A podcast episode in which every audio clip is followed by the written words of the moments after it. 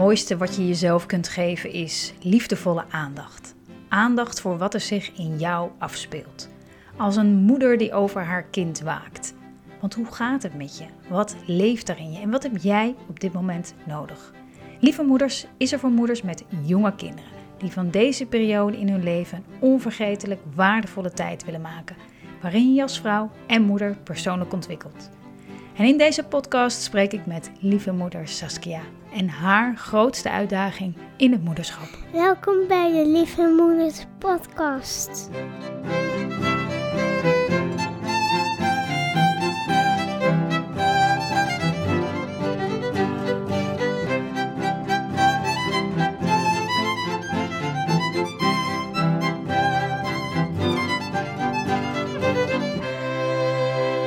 Lieve Saskia, welkom in de Lieve Moeder podcast. Mijn allereerste gast, gast lieve moeder. Dank je En wel. ehm, dat vind ik heel, heel erg eervol dat jij dat wil doen.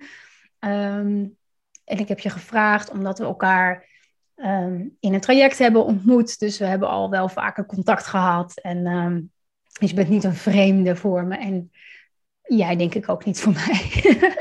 nee, zeker niet. Nee. Dus super fijn dat je er dat je bent. We gaan, het, ehm, nou ja, we gaan het hebben over het moederschap en alles wat jij daarin tegenkomt. En ik deel natuurlijk in de podcast altijd ehm, over wat ik erin tegenkom. Ehm, en dat is heel vaak ook wel herkenbaar. Maar het is ook zo, ja, zo fijn is om, om te weten dat er veel meer moeders zijn die eh, heel vaak met dezelfde dingen rondlopen. Ontdekkingen, struggles, alles. Dus ehm, gaan we het over hebben. Gaan we het over Ja, heel hebben. leuk. Ja, super. Dus welkom. Dank je welkom, wel. welkom, welkom. Ehm, kan je iets in het kort vertellen over je gezinssamenstelling? Over mijn gezinssamenstelling. Jazeker. Eh nou, ik ben de Saskia. Ik ben getrouwd eh, met Laurens. En wij hebben samen een zoontje, Abel. Eh, van dikke 2,5. Die wordt in januari wordt die drie alweer. Ehm, en we hebben een hond, Huubke. Ook Niet te vergeten. niet te vergeten. Eh, dus, dat is, eh, dus dat is onze gezinssamenstelling. Ja. Leuk, leuk, leuk, leuk. Hey, en ehm, wij hebben het er wel, wel eens over gehad, maar ehm, kan je eens vertellen hoe, kijk, die, die overgang van gewoon, zeg maar, vrouw, collega, vriendin, al die rollen, zus, dochter, naar een rol erbij, het moederschap. Eh, dat is voor heel veel van ons een mega transformatie. Ehm, kan je eens met ons delen hoe dat, hoe dat voor jou is geweest? Wat Ja. was eigenlijk, wat, wat kwam je daarin tegen? Wat is je er, eh, ja, het is natuurlijk ook alweer bijna drie jaar geleden, die Ja. hele ommezwaai. Maar het voelt vast nog wel vers. ja. Ehm, hoe, ja, hoe, hoe, hoe was dat? Nou ja, als je vraagt van wat kwam je daarin tegen, dan zou ik bijna willen zeggen, ja, wat niet. Omdat het gewoon echt wel ja, zo alles veranderend, life-changing, eh, alles was eigenlijk. Ehm, en ik denk dat ehm, ehm, voor mij was denk ik vooral de, de zwangerschap van Abel was nog eh, best wel, best wel eh, nou ja, oké, met gewoon een beetje de, de, de, normale wisselwasjes, als ik het zo even denigrerend mag noemen. Ehm, ik had wel ook vanaf 30 weken had ik harde buiken en meer kans op een vroeggeboorte. Dus daar werd het al een beetje spannend. En uiteindelijk kondigde Abel zich ook met 35 weken onverwachts aan. Terwijl hij nog in een stuit lag en we hadden nog geen plan met het ziekenhuis. En nou, lang verhaal kort, het werd uiteindelijk een natuurlijke stuitbevalling. ehm, die eindigde in een spoedkeizersnede omdat Abel in nood was. ehm, waarbij ik onder volledige narcose moest en mijn blaas ook nog geraakt werd. En Abel heel slecht ter wereld kwam met een APCAR van 2. Ehm, dus ik was, niet, ik was niet bij de geboorte. Ik, ik, ik, ik, ik, ik was er niet bij. En uiteindelijk lag ik ook zo ehm, ja, in de kreukels, fysiek en mentaal. En hadden we dus een kindje eh, die in een couveuse lag. Dat, die hele start, ja, ik had me veel voor kunnen stellen, maar dat, ehm, ja, dat niet eigenlijk. Dat was gewoon niet echt een beeld wat ik, eh, wat ik in gedachten had. En dat is dus denk ik achteraf gewoon al zo alles bepalend geweest. Dat ik, ik, ik herinner me nog uh, dat ik dus bijkwam na drie uur en um, dat ik dus in bed naar Abel gereden werd. Het was echt midden in de nacht, vijf uur volgens mij. En ik kwam aan op zijn kamer en mijn man had hem dus blijkbaar net op zijn borst gekregen. Dus die lag net met hem te buidelen. En die zei gelukkig meteen, uh, leg hem bij Sas op de borst. Dus ik, ik kreeg hem op mijn borst. En ik weet nog zo goed dat ik gewoon dacht, hè, maar hoe, hoe moet ik me nou voelen? Hè? Oh, oké, dus dit, dit is nou mijn kind. Is dit nou mijn kind? Uh, wat voel ik? Ik voel alleen maar pijn. Ik kan helemaal niks voelen. En dat ik daar, daar is denk ik voor mij ontstaan dat ik een soort van norm of zo ging ervaren waar ik niet aan voldeed oh, eh, volgens mij voelen moeders normaal altijd een overweldigende liefde als ze hun kind voor het eerst zien. En ik voel eigenlijk alleen maar twijfel en ik ben helemaal overdonderd en ik ben helemaal, um, ja, helemaal van slag of zo. Um, en, en, en dat heeft ja, uiteindelijk denk ik wel veel ook van dat eerste jaar um, ja, het eerste jaar heeft denk ik wel voor mij in het teken gestaan van ploeteren, omdat ik in mijn hoofd een soort norm had waar ik dus niet aan voldeed. Um, en Abel ook niet, want die kwam dus slechter weer. Nou, uiteindelijk knapte die heel goed op. Um, maar die heeft dus een jaar lang niet geslapen, kreeg een spreidbroek, zes oorontstekingen, vijf keelontstekingen en weet ik het. Dus het was het hele eerste jaar um, alleen maar ploeteren. En dat ja, had ik gewoon niet helemaal... Uh, uh, verwacht of zo. Of, of ja, aanzien komen. Of um, ja, ja. En hoe, hoe um, wat ben je daarin van jezelf tegengekomen wat je niet kende? Um, nou, in, in, positieve zin ook, hè? Uh, ik bedoel, het hoeft niet meteen iets heel. Uh... Ja, nou op zich misschien niet eens zoveel uh, wat ik niet ken, want ik wist wel dat ik het dus altijd graag heel goed wil doen. Dus dat ik het dan, dus dat ik ook wel echt dan in mijn hoofd ook heel streng word en het dan allemaal heel goed wil doen en mezelf heel erg ga pushen. En ik denk wat ik dus uiteindelijk heel erg geleerd heb, is me uh, over te geven aan wat er is. Ik weet ook dat ik uiteindelijk volgens mij na negen of tien maanden ging ik praten met iemand om de bevallingen plek te geven, omdat ik natuurlijk ook wel merkte dat er ergens iets moest gebeuren omdat het gewoon niet ging. En ik weet ook dat ik huilend tegenover haar zat en zei: Ja, ik kan niet meer, ik kan niet meer. En iedereen om me heen lijkt het te kunnen met baby's een leven hebben. En, en ik kan net mijn, mijn baby in leven houden, maar mijn man moet nog steeds mijn boterhammen voor me smeren, omdat ik het nog niet kan. En ik kan gewoon niet meer. En toen zei zij uh, op een gegeven moment als je nu in loondienst was geweest, want ik werk voor mezelf, als je nu in loondienst was geweest, dan had ik tegen je gezegd dat je in de ziektewet had moeten gaan. En dat op de een of andere manier kwam dus die boodschap heel erg bij mij binnen en besefte ik me ineens, oké, wacht, maar ik moet dus nu, ik mag dus nu loslaten. Ik mag nu, of ik moet misschien wel gaan loslaten. Dit is nu wat er is en ik kan blijven ploeteren dat het anders moet. Of ik kan tegen mezelf blijven zeggen dat het niet goed genoeg is, maar nu mag ik me gaan overgeven.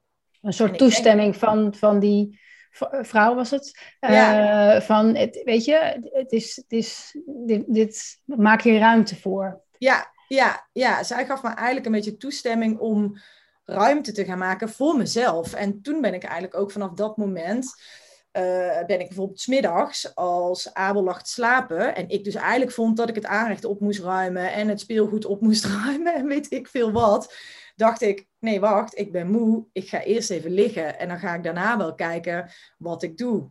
Of als ik een keer de trap op was gerend en ik kreeg last van mijn bekken, Um, dan vroeg ik daarna of mijn man een keer naar boven wilde redden. Dat is niet helemaal waar, want dan dacht ik vaak eerst... Jij denkt, hij gaat dit terugluisteren en dan zegt hij, nou, Sas. Nee, nou, het was meer dan, ik want het uitte zich bij mij heel erg in, dus woede, in boosheid naar mijn man toe. Ik zat zo nokje vol dat ik dus niks erbij kon hebben. En als ik dan gewoon lichaam, dus stel ik rende twee keer de trap op en ik, ik brak gewoon lichamelijk af. Ja, dan zei hij iets of dan vroeg hij iets en dan werd ik gewoon zo boos. En op een gegeven moment ging ik voelen, wacht, waarom word ik nu zo boos? Oh, wacht, ik ben eigenlijk net al twee keer de trap opgerend en eigenlijk heb ik nu best wel veel pijn, maar dat wil ik niet toegeven. Dus ik ben mijn hart aan het maken. Oh, wacht, ik kan hem om hulp vragen. Dat, dat ook echt. Dus Hmm. Ja, het heeft wel, voor mij is dat wel echt de grootste eye-opener in een stukje overgave naar wat er is en voelen bij jezelf wat je nodig hebt. het klinkt zo banaal, maar, ja, maar ik vind het in de praktijk zo lastig. Dat, ja. En, en misschien dat, dat, een, dat een, een, een, ja, een start zoals je hem niet verwacht had, doet misschien nog wel een veel groter beroep op die overgave. Want ja, je, je kan zo'n start niet opnieuw doen. En uh, dus dat, dat, dat, is, dat is ook een. Uh, ja, dat, dat, dat vraagt misschien. Ik denk dat het sowieso overgave een gigantisch thema is in het moederschap. Uh, los van hoe de start is. Maar misschien dat een, ja, de start zoals je hem niet had gewenst. Misschien nog wel een hele grote, dikke, vette schep erbovenop doet. Of, of denk je dat dat uitmaakt? Ja, nee, ja, zeker, zeker. Maar ik denk ook dat we ik denk dat we het misschien allemaal in meer of mindere mate in ons hebben dat we ons hard willen maken. Ik denk ook dat de maatschappij dat misschien vaak van ons vraagt. En we hebben natuurlijk ook veel ballen in de lucht te houden. En dat je dus helemaal, als je dus als vrouw bevalt, um, er is niemand die het over kan nemen. Jij moet de klus klaren. Weet? Dus, dus je, je maakt je hart, je zet door, je ploetert. Um, en dat het moeilijk is om daarna misschien ook die rol dan weer los te laten. Dat je misschien ook geneigd bent om daarin te blijven hangen. En ik denk in mijn geval ook, omdat het dus ook fysiek ehm, gewoon allemaal heel zwaar was. Ehm, ja, dat je dan dus ook. Ik, ik kon ook niet. Ik weet nog dat ik ook die eerste dagen in het ziekenhuis. Ik had zoveel pijn en kon natuurlijk niet uit bed. En ik wilde die morfinepomp niet gebruiken, want ik zag allemaal pingwings met gouden messen dansen. Dus toen dacht ik, nou, dit kan ook niet de bedoeling zijn. Ehm, maar dat je daar natuurlijk dan ook zo in een bepaalde modus komt dat je denkt, oké, dus, dus dit is het nu. Ja, uh, ik wil het liefst uh, drie weken op vakantie nou om even bij te komen. Maar ja, dat kan niet. En ik wilde graag borstvoeding geven, dus daar was ik ook mee bezig. Dus ja, er is geen, er is geen backup. Er is, er is no escape. Nee, nee, nee er is geen echte pauzeknop. Nee. Die zin. En, en, en ja, ik denk dat, dat, dat ook heel veel moeders dat wel herkennen. Ook als kinderen wat, wat groter of wat ouder worden. Zo, hè? Niet heel oud, maar gewoon zo de eerste jaren. Het, het, het gaat door dag en nacht. En ja, hoe, hoe je daarop kan voorbereiden, nou, ik denk, ik denk het niet. Maar steeds weer afvragen inderdaad. Wat, wat vraagt het dan van je? Welke... Ja, en ik, ik denk inderdaad hoe...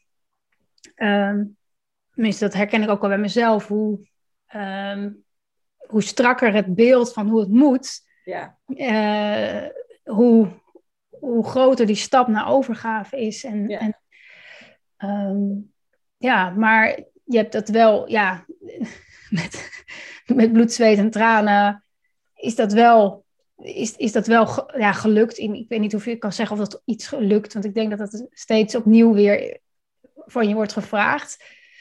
Maar tenminste, ik krijg wel het idee bij jou dat, dat, dat er wel een zekere mate van overgave echt wel is gekomen. En een soort van, soort van rust daarin. Of, of, zie, of heb ik dat verkeerd bij je? Ja, absoluut. En ik denk ook wel wat je zegt, dat het iedere keer natuurlijk weer opnieuw uh, een soort van weer overgeven aan wat is. Maar ik denk wel dat als je op een gegeven moment een bepaald punt hebt bereikt, dat het ook makkelijker is om je daar iedere keer weer aan over te geven. Ik denk dat ik nu makkelijker mezelf overgeef aan wat er nu soms is, dan toen uh, die eerste maanden, omdat ik daar dat punt toen nog niet had bereikt. Dus het, ja, het voelt wel um, alsof het makkelijker wordt. Volgens mij werkt het ook gewoon zo dat je hersenen natuurlijk op een gegeven moment ook een beetje gewend zijn aan dat patroon en dat je daar natuurlijk ook makkelijker dan weer inschiet. Um, maar ja, nee, ik heb zeker, ik heb zeker geleerd om, uh, om me over te geven aan wat er is. Ja, ja. En, en daar ben ik dus ook wel echt trots op. Ja, ja daar ben ik ook wel echt trots op. een kleine, ja. klein... Kan ik dit zeggen? Ja, dat kan ik zeggen. mag, ik, mag ik dit zeggen? Fucking trots, man. Jezus, Mina, met zo'n start. En uh, ja, joh, je, je hebt er gewoon het is me nogal wat. Weet je, als ik het hoor, dan, uh, dan, dan ja, dat, dat, ja, ik denk dat elke moeder die dit, die dit hoort, en ik weet ook, ja, ook heel veel moeders, nou ja, misschien wel andere dingen, maar als je een lastige start, joh, dat kan je natuurlijk zo voelen en, en niet bij de geboorte zijn. Eigenlijk, dat is, ja, het is dat, ja. En dat je daar, ja. Nou ja, ik wil daar wel een kleine nuance plaatsen, want het is wel, ehm, ik denk dat ieder verhaal voor iedere moeder op haar manier, op een bepaalde manier heftig is. En bij mij is het misschien hè, eh, wat extreem of, of kun je er nog... Maar ik denk dat we als moeders sowieso vaak de neiging hebben om te vergelijken met elkaar. Dus het laatste wat ik wil is dat als je dit verhaal hoort, dat je denkt, oh jee, dan uh, mag ik helemaal niet klagen, want uh, ik had wel een vrij normale bevalling. Of, nou ja, nou, sterker nog, ik denk ook dat het belangrijk is. er zijn ook heel veel moeders met hele mooie verhalen. Ik, ik bedoel, voor mij is het, is het ook is het heel helend geweest. Ik bedoel, ik zou niet zeggen, doen we er nog tien. Maar uh, het is, heeft in, in zekere zin op een bepaald niveau helend geweest. En, en, en, en ik, ik merkte op een gegeven moment bij mezelf, dat ik dacht van ja, ik, ga dat niet elke keer verkondigen, want ik vind dat echt vreselijk voor de vrouwen die dat anders hebben ervaren. Maar dat is natuurlijk ook bullshit, want ik denk dat al die verhalen, het zijn allemaal even belangrijk om, te, om te delen. En, ja. en, en um, ja, ik denk ook gewoon dat, dat bevallen moeder worden, die, die eerste fase, ja, Um, ik heb mezelf wat aangewend om, als ik ergens op kraambezoek te gaan, het, de baby in eerste instantie even te negeren. Eerst op de moeder te focussen. Hoe gaat het met jou? Hoe is het met je? Uh, vind je het fijn om iets te vertellen over de bevalling? Hoe is het gegaan? En ook naar details vragen. Want ik merkte dat ik dat zelf zo fijn vond. Als echt iemand een vraag stelde over iets heel specifieks of zo. Hè? Dat ik ja. dacht, oh, oh ja, voelde ik me zo gezien daarin. En, en ja. de enige die dat eigenlijk meestal weet is je, is je partner. Daar kan je het nog daarmee over hebben. Maar ja, het is zo'n live event. Het is niet normaal, hoe het ook gaat. Hè? Ja, en ik denk ook dat het de uitdaging is om het uh, niet altijd automatisch met je eigen situatie te vergelijken. Hè? Ik denk dat we dat ook heel erg geneigd zijn om te doen. Als ik een verhaal hoor, moet ik ook uitkijken dat ik niet alleen maar ja. focus op het heftige of zo, hè? omdat ik dat bij mij dan ook. Dus ik denk dat het ook gaat om altijd uh, open blijven vragen en luisteren naar degene waar het om gaat dan in, in dat geval. Dat, uh, ja, ja, dat dat waardevol is. Ja. Hey, en en um sinds je moeder bent, waar, je hebt het al een beetje verteld, maar waar, waar ben je het, uh, het meest in gegroeid persoonlijk? Hè? Ja, ik denk dat er wel een, ik denk dat er een aantal dingen zijn. Ik denk dat ik me dus kan overgeven aan wat er is. Dat daar ook een heel stuk van verwachtingen loslaten bij zit. Ik had, je dat, had je dat zeg maar voordat je moeder werd, um, kon je dat toen ook, um, herken je dat heel erg van toen ook? Dat je, dat je daar dat dat echt wel een ding was, maar waar je nog mee wegkwam, zeg maar. Zonder ja. kind kom je daar meestal nog wel een beetje mee weg. Zo. Ja, nou, ik denk dat, um, moet ik even nadenken, 2,5 jaar. Hoe was het ook alweer? Ja, volgens mij 2,5 jaar voordat ik moeder werd, of anderhalf. Nou, in ieder geval twee jaar voordat ik moeder werd, overleed een van mijn beste vriendinnen. En um, uh, ik, toen bleek ik dus al in rouwen, bleek ik dus al behoorlijk wat uh, verwachtingen uh, tegen te komen. Ik, ik dacht dat rouw heel lineair zou zijn, dus dat het in het begin heel groot zou zijn en dat het daarna met zo'n keurig afnemend, gestaag afnemende lijn naar beneden zou gaan. Nou, dat bleek natuurlijk niet het geval te zijn. Um, en ook daarin kon ik dan al best wel streng zijn naar mezelf. Dus dan vond ik ook dat ik daar dan in faalde of dat ik het dan niet goed genoeg deed. Ja, het is natuurlijk, als ik het dan zo hardop uitspreek, dan hoor ik zelf ook wel hoe gek die gedachten eigenlijk zijn. Maar in je hoofd lijkt het toch dan soms iets meer waarheid. Um, en ja, nee, dus ik, ik, ik denk dat ik mijn hele leven al wel struggle met verwachtingen die je creëer en uh, waarbij het dan anders loopt en dat ik dan in de war raak en nou ja, dat. En ja, dat zeg maar. Het, het, en het rouwen was daar natuurlijk ook echt al wel een, een, een grote zoektocht in. Ja, waarin het ook niet altijd lukte, want daar kon ik nog makkelijk vluchten in werk of in andere dingen of in sociale contacten. Of, dus daar, daar, daar kon ik nog wel weg bij dat, bij dat gevoel wat ik dus eigenlijk dan niet durfde te voelen of zo. En nou ja, toen ik natuurlijk moeder werd, sowieso staat dan natuurlijk je leven op zijn kop. Maar ik had ook geen puff of geen energie om te vluchten in sociale contacten. Of ik weet ook dat ik in het ziekenhuis een keer mijn telefoon optilde en dat ik dacht, wow, daar zijn veel prikkels, die leg ik even weg. Dat ik ook gewoon die veelheid aan, aan WhatsAppjes en dat soort dingen, dat kon ik, kon ik gewoon helemaal niet, kon ik niet handelen. Dus dat... Um, ja, dus, dus ik denk dat wel echt dan het moeder worden wel echt het summum was van uh, verwachtingen los moeten laten. Of ja, ja, ja.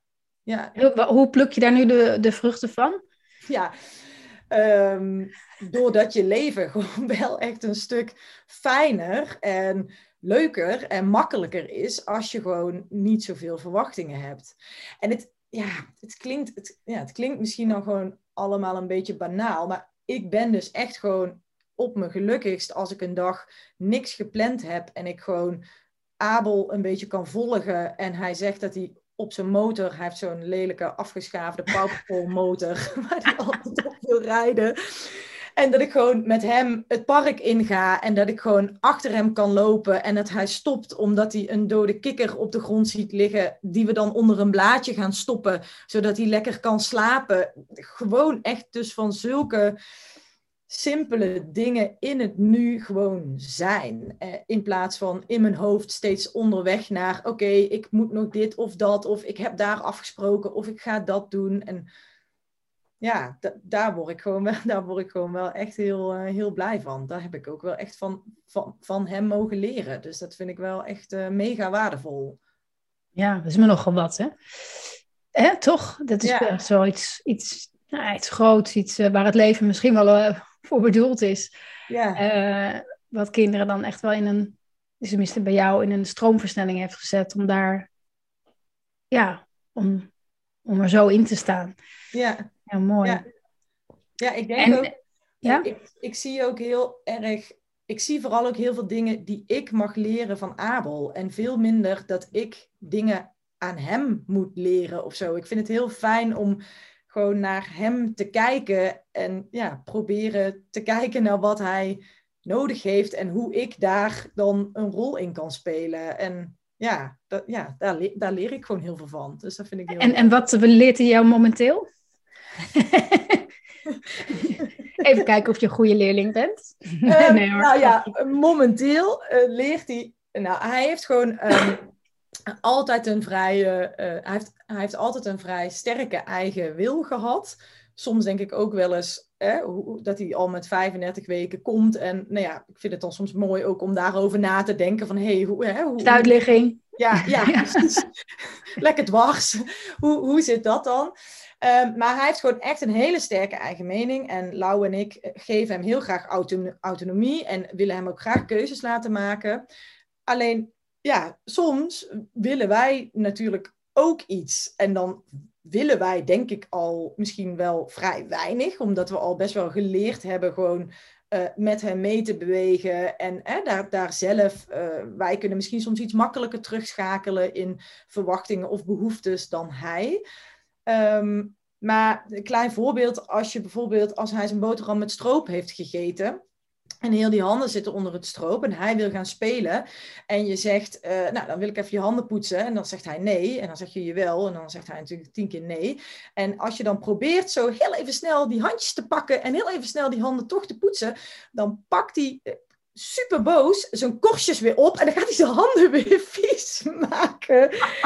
en dan ondertussen roepend: Nee, ik wil mijn handen niet schoonmaken. Ja, dus ja. dan denk ik soms wel: Oh ja, wacht. Maar dus zelfs de allerkleinste dingen um, ja, behoeven dan al zoveel uh, geduld en inzicht en aanpak. En nou ja, daar, daar kan ik soms wel een beetje. Uh, moedeloos van worden. Of denken, oh, pff, kan er ook Oh God's sake, ja. ja, kan er ook ja, Het is natuurlijk ook heel passend, weet je, best ook bijna drie. Het is natuurlijk super passend bij de, bij de leeftijd. Uh, en ik ben nooit zo'n voorstander van de mantra, het is maar een fase, want we moeten het er gewoon nu mee doen. Uh, maar soms helpt het ook wel om te weten, ja, weet je, over een paar maanden of zo, nou, of over een jaar, dat is niet echt een lekker perspectief.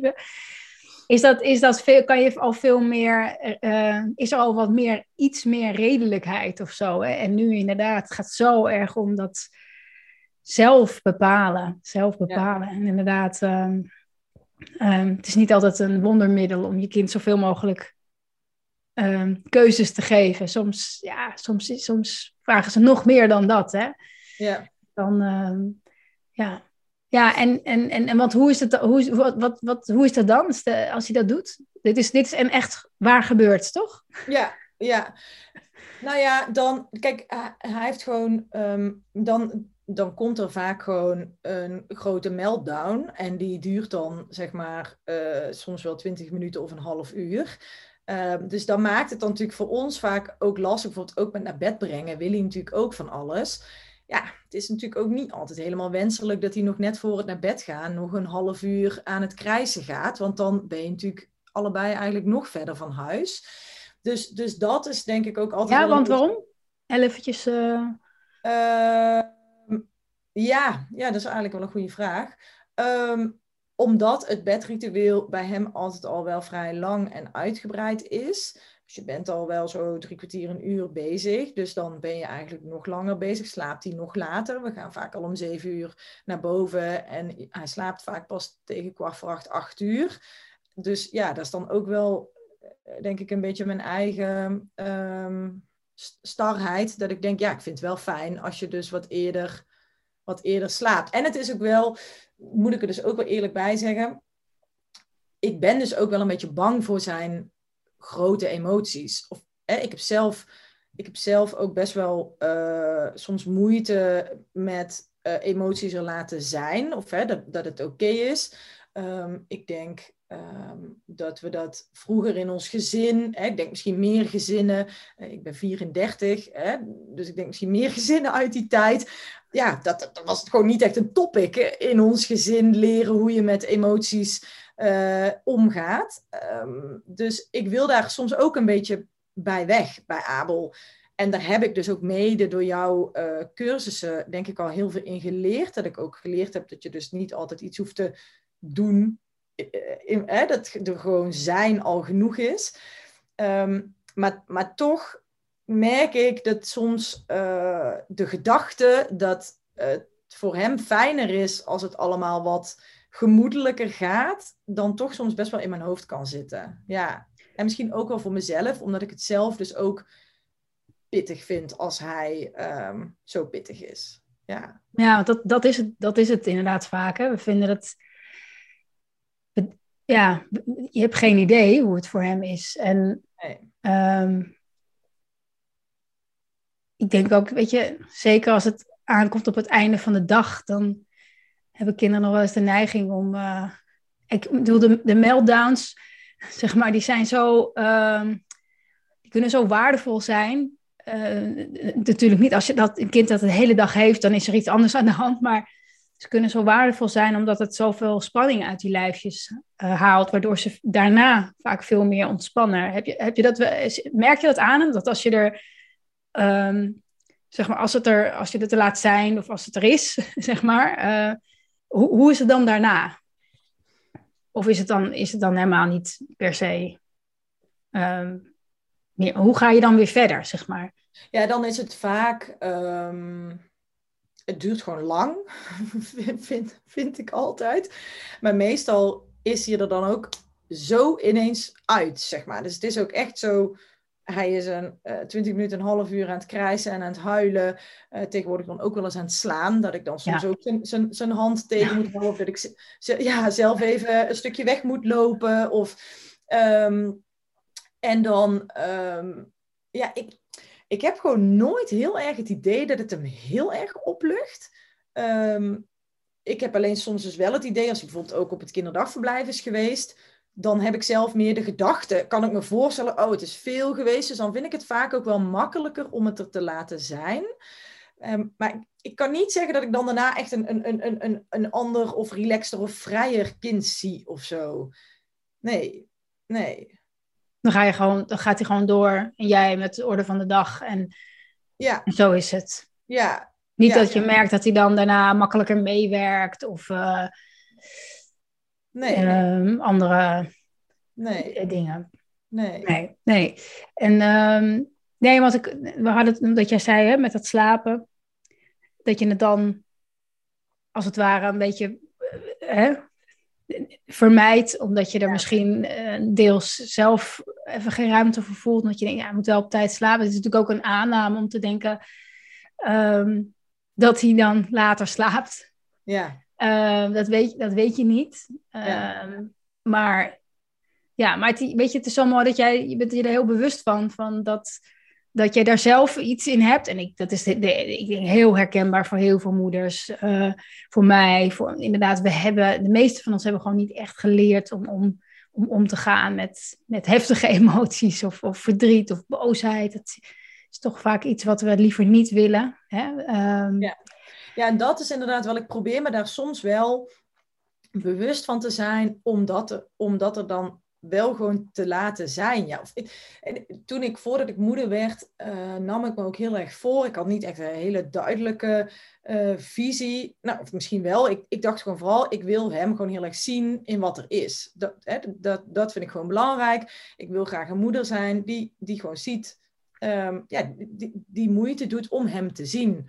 Uh, in, in alles wat er is. En dus toen ik er op een gegeven moment ook achter kwam dat ik dus met dit stukje eigenlijk een beetje ongemakkelijk was, dacht ik, oh ja, wacht, maar, maar daar zit natuurlijk juist ook uh, het waardevolle. Ja, het is heel makkelijk om moeder te zijn van een kindje dat, dat, dat vrolijk is en dat lekker kletst en leuk doet. Maar ja, het is natuurlijk juist uh, als hij wat meer nodig heeft, ja, daar zit denk ik je, je, je meerwaarde. Of hè, daar kun je er echt zijn. Daar kun dan kun je, je shinen. Dan kun je ja, shine als moeder. Ja. Nou ja, niet per se shinen, maar dus in ieder geval hem het gevoel geven dat je er bent. Dat, ja, het is, het is heel makkelijk als ik achter hem loop op zijn Paw Patrol motor om hem het gevoel te geven dat ik er ben. Want dan geniet ik zelf ook heel erg en dan ben ik er ook heel erg. Maar dus juist eigenlijk op de momenten ja, dat, dat het dus gewoon helemaal niet loopt en je zelf eigenlijk ook een beetje vastloopt. Ja, daar zit dan denk ik de, de uitdaging om, uh, ja, om te laten voelen, ik ben er. Ja. En hoe, hoe, hoe ben je er op die momenten voor jezelf? Als je merkt dat je denkt, oh ja, je doet het wel heel lang. En oh jee, ik moet eigenlijk, hè, dat, dat, hoe, hoe, hoe, hoe deel je daarmee? Ja, daar heb ik jou dus voor.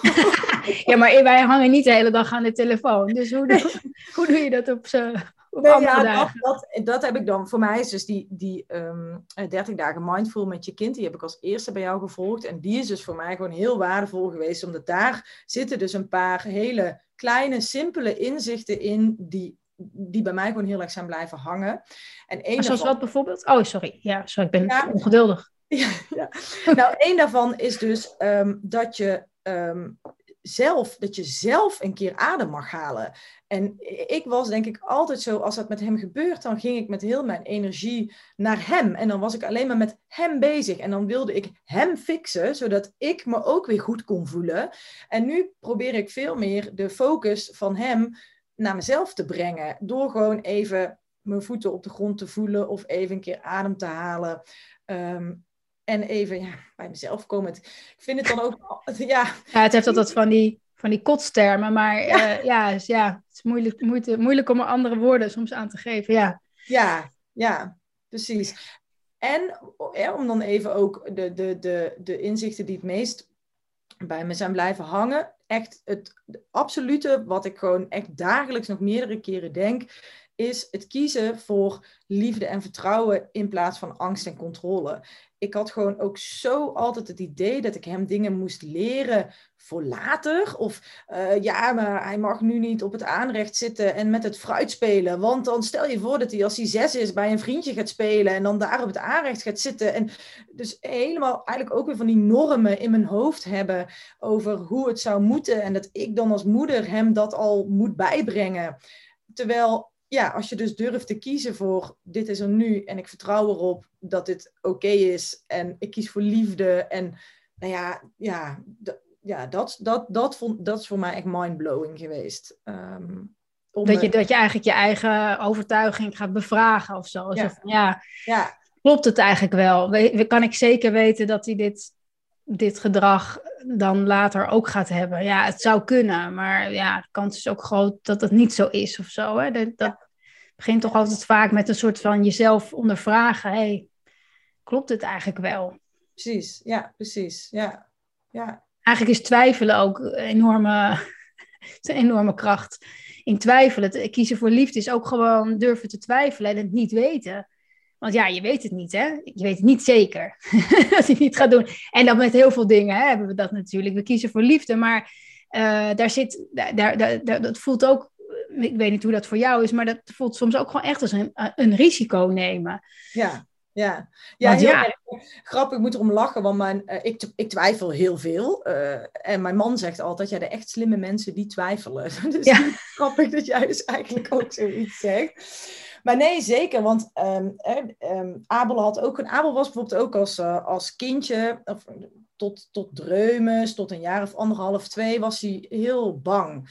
Uh, bang voor wind, bang voor felle zon, bang voor vliegtuigen, bang voor gras. Hij durfde ook een tijd niet over gras te lopen. Bang, nou ja, eigenlijk alles wat je kon. Bang voor open ramen. Gewoon voor heel veel dingen uh, was hij bang. Voor vreemde mensen. Dus hij wilde ook heel vaak getild worden. Als ik dan buiten met hem was, wilde hij heel vaak getild worden. En daar had ik dan natuurlijk vaak ook zo'n gedachte over ja, maar ik moet jou toch leren dat je toch zelf moet lopen. Maar ergens voelde ik natuurlijk ook wel, ja, maar ik, ik wil hem ook graag geven wat hij nodig, nodig heeft. Ik wil hem graag vertrouwen geven. Als jij graag wil dat ik jou opdeel, ja, dan, dan, dan ben ik er. Dan, dan wil ik jou graag dat geven. En ik vond het zo mooi. Toen liep ik op een gegeven moment ook door een winkelstraat, weer dus met hem te zeulen. En toen kwam ik twee vrouwen tegen en die begonnen een beetje over hem te praten. En toen zei ik al zo verontschuldigend, want dat doe je ook als moeder, hè, dat je je altijd dan al meteen gaat verklaren. Ja, ja hij wil nog best wel vaak getild worden. En uh, ja, nou ja, hè, uh, ja, ja dat, dat probeerde ik mezelf een beetje niet heel succesvol dan nog een soort van goed te praten of te verontschuldigen. En toen zei die vrouw, Oh, geniet er nog maar van. Nou kan het nog. Mijn hmm. kinderen zijn al, of mijn zoon is al 18 of zo. En die, dat zinnetje ook, nou kan het nog, dat is ook zo bij me blijven hangen, dat ik ook soms daarna dacht, ja, nou kan het nog. Weet je, over, over een jaar of over twee jaar, dan wil hij dan niet meer. Of dan hoeft het niet meer. Nou, en je kan, hem niet meer tillen dan ook. Ja, ja, precies. Ja, de punt zijn we nu ongeveer uh, beland. Maar dat, ja, ja, mooi. Dus dat kwam echt, dat, die kwam binnen als ja. in, ja. ja. Ja, ja, dat heeft en ook misschien nog wel op een diepere laag. Uh, nu kan het nog uh, als in. Um, je kan hem nu, als de kinderen heel jong zijn, kan je ze. Ja, het is, de, onze hele basis wordt natuurlijk ja, gelegd zo, die eerste drie, zeven jaar. Nu, nu kan je ook nog zoveel. Ja. Uh, als in. Um, op zijn tempo. Ik neem even dit als voorbeeld, hè, maar zo zijn natuurlijk heel veel verschillende voorbeelden. Um, in, in, het tempo van je kind um, ang, ja, angsten overwinnen. Hè? En, en ook als moeders die dan zeggen, ja, zo, uh, mijn kind zo verlegen. En dan, probeer, hè, dan werkt het altijd averechts om een kind zeg maar, van het toneel op te duwen. Zeg maar. zeg maar dit, zeg maar dankjewel, zeg maar hallo, zeg maar Weet je, daar wordt het alleen maar erger mee. Uh, maar, maar het is natuurlijk met goede intenties. Denk je dan van, nou ja, misschien moet ik hem blootstellen aan dat waar hij bang voor is. En ja, eigenlijk is altijd het tegenovergestelde is, is, is dan waar. Hè? Is dan, is dan, ja, geef hem inderdaad, geef hem nu wat hij nodig heeft. En dan, dan, komt, dan, dan is het op een gegeven moment. Hoe is dat nu met, met die angsten?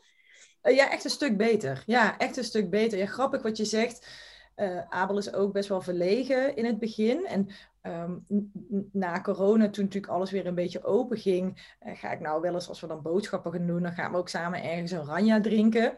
En mhm. de eerste paar keer durfde hij natuurlijk niet te bestellen, want het is natuurlijk iemand vreemds die aan je tafel komt. En, en dan, dan zei ik een keer van, oh, wat wilde je ook alweer? En dan dook hij bij mij weg. En dan dacht ik ook, oh ja, wacht, hier moet ik dus nou geen halszaak van maken. Ik ga gewoon bestellen, hè, zodat hij, hij ook ziet wat ik doe.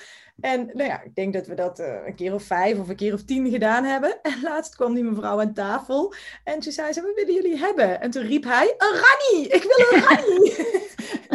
dus toen dacht ik, oh ja, dan is het ook weer zo'n mooi voorbeeld van hoe het gewoon echt wel vanzelf komt. En dat je dus echt vertrouwen kan hebben dat het komt. Ja. ja.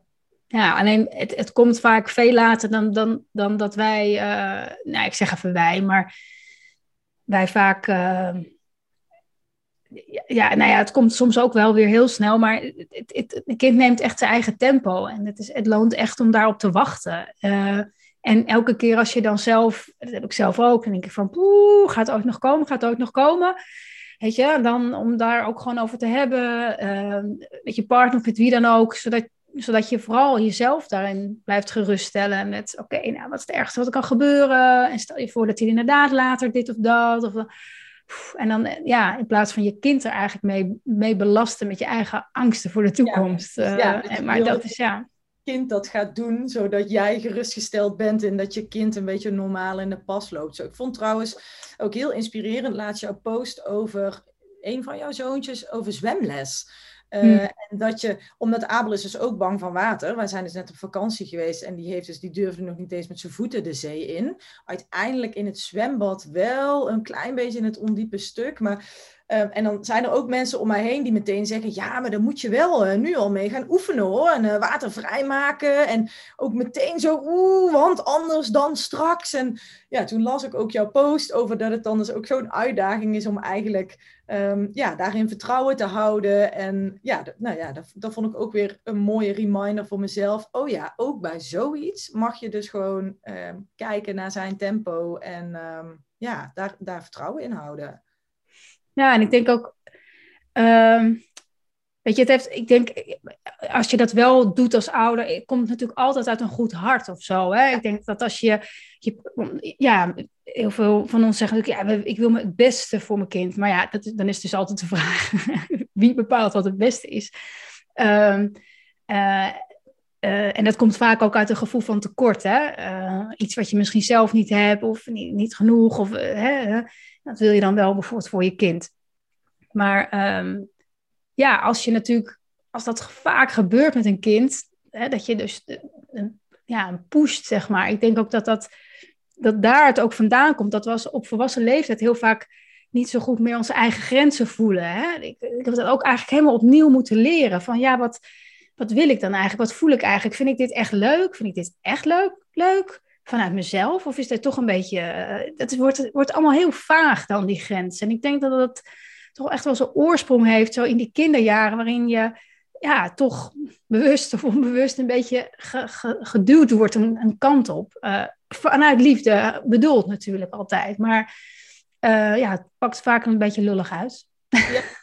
Ja, absoluut. Ik denk vooral ook in deze tijd waarin we natuurlijk allemaal gewoon druk zijn met heel veel dingen, met werk en sociaal leven en nou ja, van alles, dat kinderen ook vaak gewoon wel veel moeten of gewoon veel mee moeten. Of nou ja, en, en, en dat juist denk ik ruimte en ontdekken en gewoon mogen zijn, um, ja, voor kinderen heel, heel waardevol kunnen zijn. En dat, uh, ja, ja, ja, kinderen hoeven daar niet zoveel voor te doen, maar het, het ligt wel een, een, een, best een pittige innerlijke taak. Althans, zo ervaar ik het zelf echt wel regelmatig. Ik denk van nou, poeh, er wordt wel wat uh, van je gevraagd als moeder om, om, om het innerlijk werk te doen, als het ware. Ik weet niet hoe jij dat, of, of jij dat, hoe jij dat ervaart.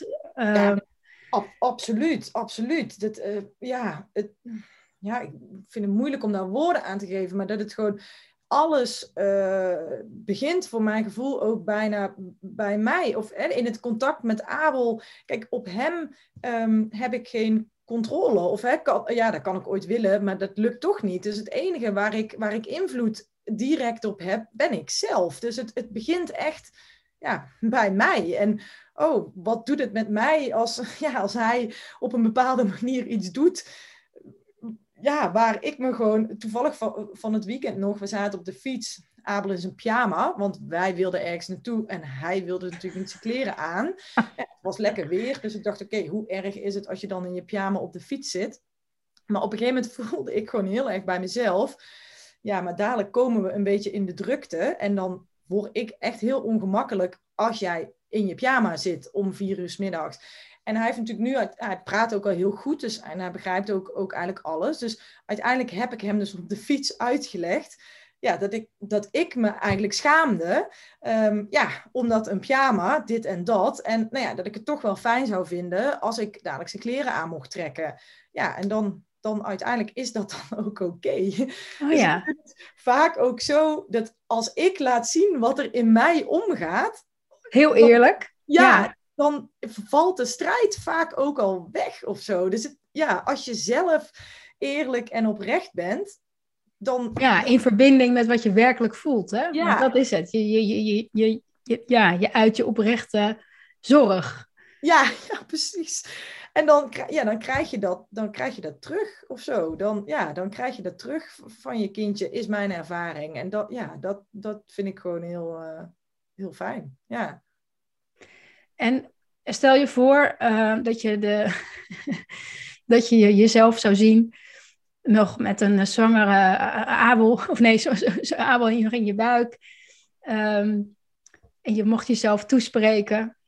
Wat, wat, wat zou je dan zeggen? Wat zou je jezelf adviseren? Of wat, wat, ja, wat zou je willen delen met jezelf?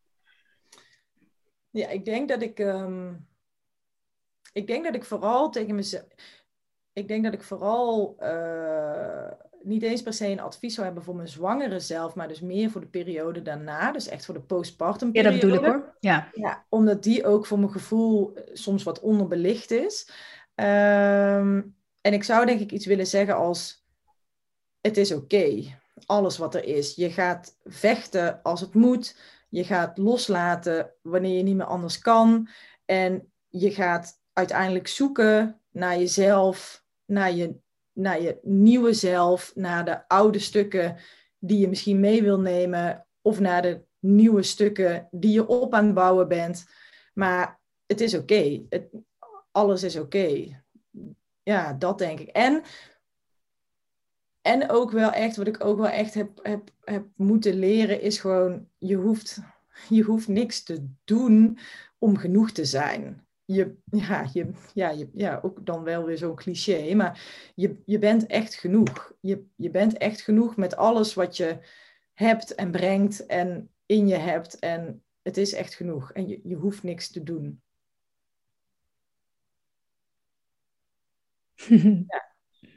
En, en zijn dat ook woorden die je jezelf, uh, hoe je ook nu jezelf wel eens toespreekt? Uh, bewust, onbewust misschien. Ehm, op, welke manier zorg je nu voor jezelf als je merkt van, ik, um, I'm losing it. ik weet het even niet meer of ik... Ehm, nou, ik sta mezelf sowieso wel echt toe om dat dan dus te voelen. Dus ik loop soms ook wel eens uh, bij Abel even weg. Dan zeg ik ook wel eens, oh, ik voel dat ik nu heel boos word ik kom zo even terug. Ik ga heel even een keer ademhalen op de gang. Dus dan zet ik eigenlijk mezelf op de gang. Omdat ik niet per se geloof in je kind op de gang zetten.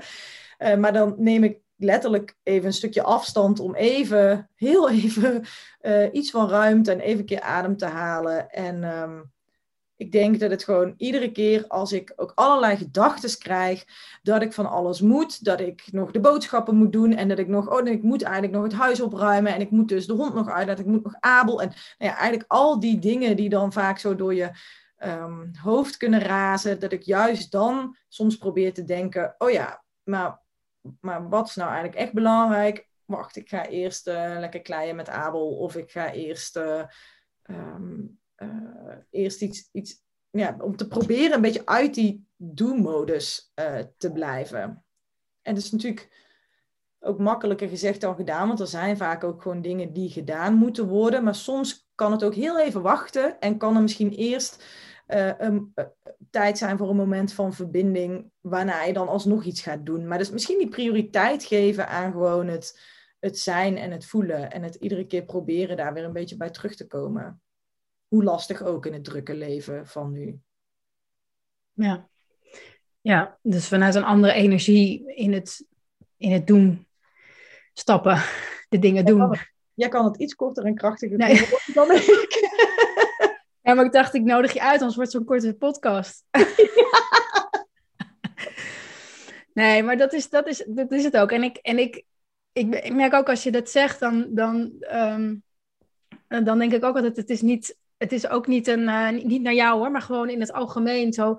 Uh, soms denken we van, oh ja, het hoeft niet zoveel te doen, alleen maar zijn. Maar het is ook oké om dingen te doen. Maar het gaat heel erg om wat je, het laatste wat je zegt. Dat je het, dat je het vanuit een energie doet van, oké, ik ga, ik, ik, ik, ik, ik vind het fijn als dit gedaan is. Ik vind het fijn als de koelkast vol zit. Ik vind het fijn als ik eventjes uh, de, de boel aan kant heb of zo. Hè? En dat, daar is niks, ik denk dat daar niks mis mee is. Maar dat, dat, ja, inderdaad, wat je zegt, dat de soort van de kortsluiting die je krijgt van de dingen, dit moet dan, dat moet dan, en die, die verkramping, dat daar gewoon het verschil in, in zit. Ik denk dat die do-modus voor mij in ieder geval wel vaak een soort vluchtmodus is. Hè, dat, dan ga ik daar al mijn energie in steken. En dan, Vluchten voor wat?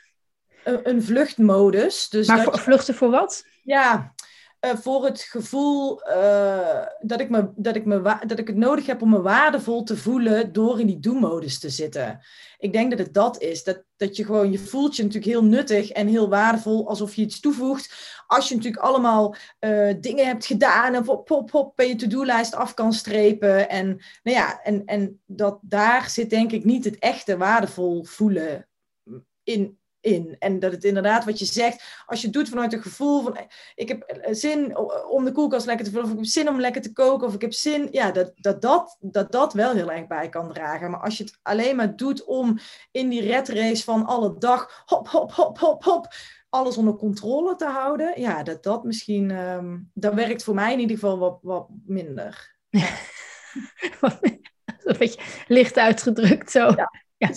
Nou ja, goed. En dat is natuurlijk ook wat we om ons heen zien. Dus het is best ook wel soms lastig om daaruit te blijven. we, zitten zo, we zijn zo vergroeid met het doen eigenlijk. Ja. Uh, dat, dat, dat, het, dat het normaal lijkt. En, en daardoor voel je je bijna niet normaal als je eerst zegt... ik ga even zorgen dat ik het goed heb met mezelf. En dan ga ik de rest doen. Dan komen er al ja, stemmetjes van... Uh, is dat niet egoïstisch? Is dat niet dit? En, uh, ja, dus het is, het, ja, het, vraagt nogal wat van je. Niet, het is eigenlijk het meest natuurlijk om te doen. En toch ja, zit het zo in ons gebakken, in veel van ons. Echt hè?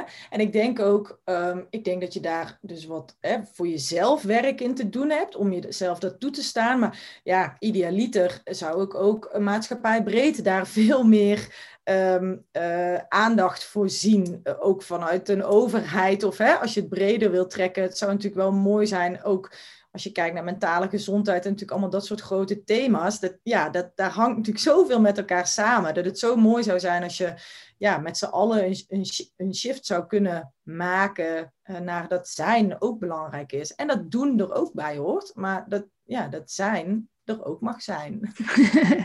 doen vanuit het zijn. Ja, doen vanuit, vanuit verbondenheid. Ja. Nou ja, en inderdaad, en, en, en als je het hebt over inderdaad mentale gezondheid, ik denk dat ja, wij, wij moeders, uh, natuurlijk ook vaders, maar ik, denk, ja. ik hoop niet dat ik allemaal feministen op mijn dak krijg nu, maar ik denk dat wij moeders zo'n. Uh, we hebben zo'n enorme uh, macht, even tussen haakjes, in, in, en ja, zoveel invloed op, op de volgende generatie. Dat is immens. Dus ik denk hoe meer aandacht er is voor jou, voor mij, voor onze moeders in, in ons welzijn, dat, dat, dat het niet anders kan. dat de wereld dan nog mooier wordt. Ja, absoluut. Uh, en en um, ja, dat, ik denk dat we, ja, daarom zeg ik ook wel eens, eigenlijk zouden we onszelf echt elke dag een trofee uit mogen reiken. ja.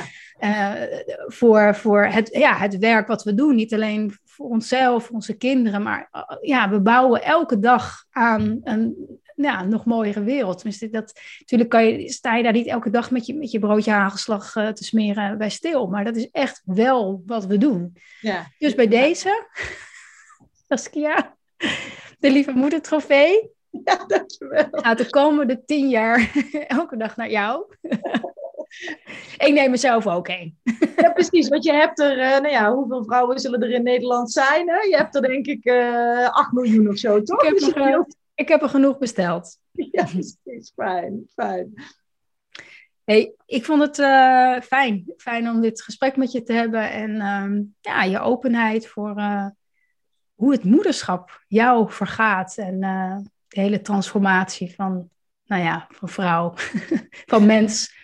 Met een rol erbij als moeder. Um, ja, super fijn. Is er nog iets wat, wat ongezegd is waarvan je denkt, oh, dat vind ik nogal mooi om mee te geven aan de nou, ik luisteraar. Denk, ik denk vooral dat het misschien uh, klinkt het, als ik het zo zeg, heel simpel. Of klinkt het misschien zelfs wel een beetje belerend. Of, um, en ik denk dat dat vooral ook gewoon, dat dat niet mijn bedoeling is. Dat het vooral ook ja, gaat om gewoon bij jezelf naar binnen kijken. En bij jezelf voelen ja, wat, wat daar zit. En dat het soms spannend is, omdat er gewoon dan veel dingen omhoog komen of je veel dingen tegenkomt. Maar ja, dat het uiteindelijk gewoon voor mij in ieder geval echt mega, mega waardevol is. En dat um, Abel me dichter bij mezelf heeft gebracht dan ik me ooit heb gevoeld. Dat je daarvoor wel eerst best. Uh, het is even een ritje. ja, het is wel een ritje, maar uiteindelijk is het het wel waard. En ik kijk natuurlijk nu ook vanaf een vrij prettig moment terug. Hij praat, weet je, er is communicatie. Uh, dus, dus dit is ook wel een fijn moment om, om, om en ja, makkelijk moment om terug te kijken. Dus misschien voor alle moeders die luisteren en die er nog middenin zitten. I feel you. het, ja, en ik ga verder geen clichés delen, uh, want die krijg je al genoeg om je oren. Uh, ik, ja, je gaat, je gaat het redden. Dat, dat, dat is het gewoon. Je gaat het redden en het komt goed. En, uh, en het is wel goed. Ja, ja, dat is ook een mooie. Ja, ja. ja, ja. Dankjewel. Ja, bedankt. Ja, lieve moeder, dank je wel voor het luisteren naar dit gesprek met lieve moeder Saskia. Als je wil reageren op dit gesprek, kan het natuurlijk. Je kan me een DM sturen via Instagram of gewoon een mail naar marjolein.lievemoeders.nl. Ik vind het heel leuk om van je te horen of je er dingen in herkent en wat je eruit meeneemt. En ik hoop natuurlijk ook dat de inzichten je weer wat meer rust en ontspanning, voldoening geven. Gewoon in je dagelijks leven met jouw kinderen. Ik zou het enorm waarderen als je me laat weten hoe deze aflevering dus voor je was. En dat kan dus via een, een bericht, maar ook via je podcast-app kan je er een recensie, een review achterlaten. Of via Google even googlen naar lievemoeders.nl en dan een recensie achterlaten, review. Dank je wel daarvoor en voor nu tot de volgende keer. Hey, vind je een lieve moeder? Oh. Vind je dat? Ja, ik vind jou. Een beetje een poepmoeder. ja.